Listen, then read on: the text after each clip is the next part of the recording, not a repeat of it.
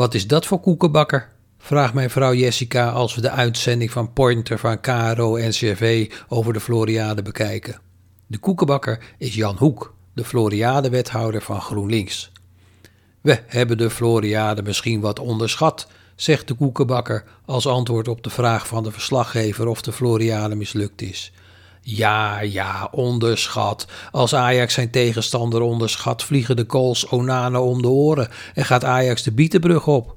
Als een koekenbakker zegt onderschat, dan bedoelt hij dat de boel gesjeest is, smaalt Jessica. Als echte Jordaanese Almeerse weet zij de oplossing wel. Gooi dat rare Floriade-element maar in de prullenbak. Bouw een peperduur wijkje voor de rijken en maak van dat bomengedoe maar een leuk parkje. Dan levert het misschien nog wat geld op.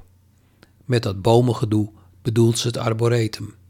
Op, op GroenLinks ga ik dus niet meer stemmen, gaat mevrouw verder. Ik heb er nu al spijt van de vorige keer. Ik gooi wat olie op het vuur. De grote meerderheid van de gemeenteraad is een enorm fan van de Floriade. Die raadsleden vinden het fantastisch. Ze dansen de Polonaise. Het woord dat mijn vrouw daarna gebruikte voor die raadsleden is niet publicabel.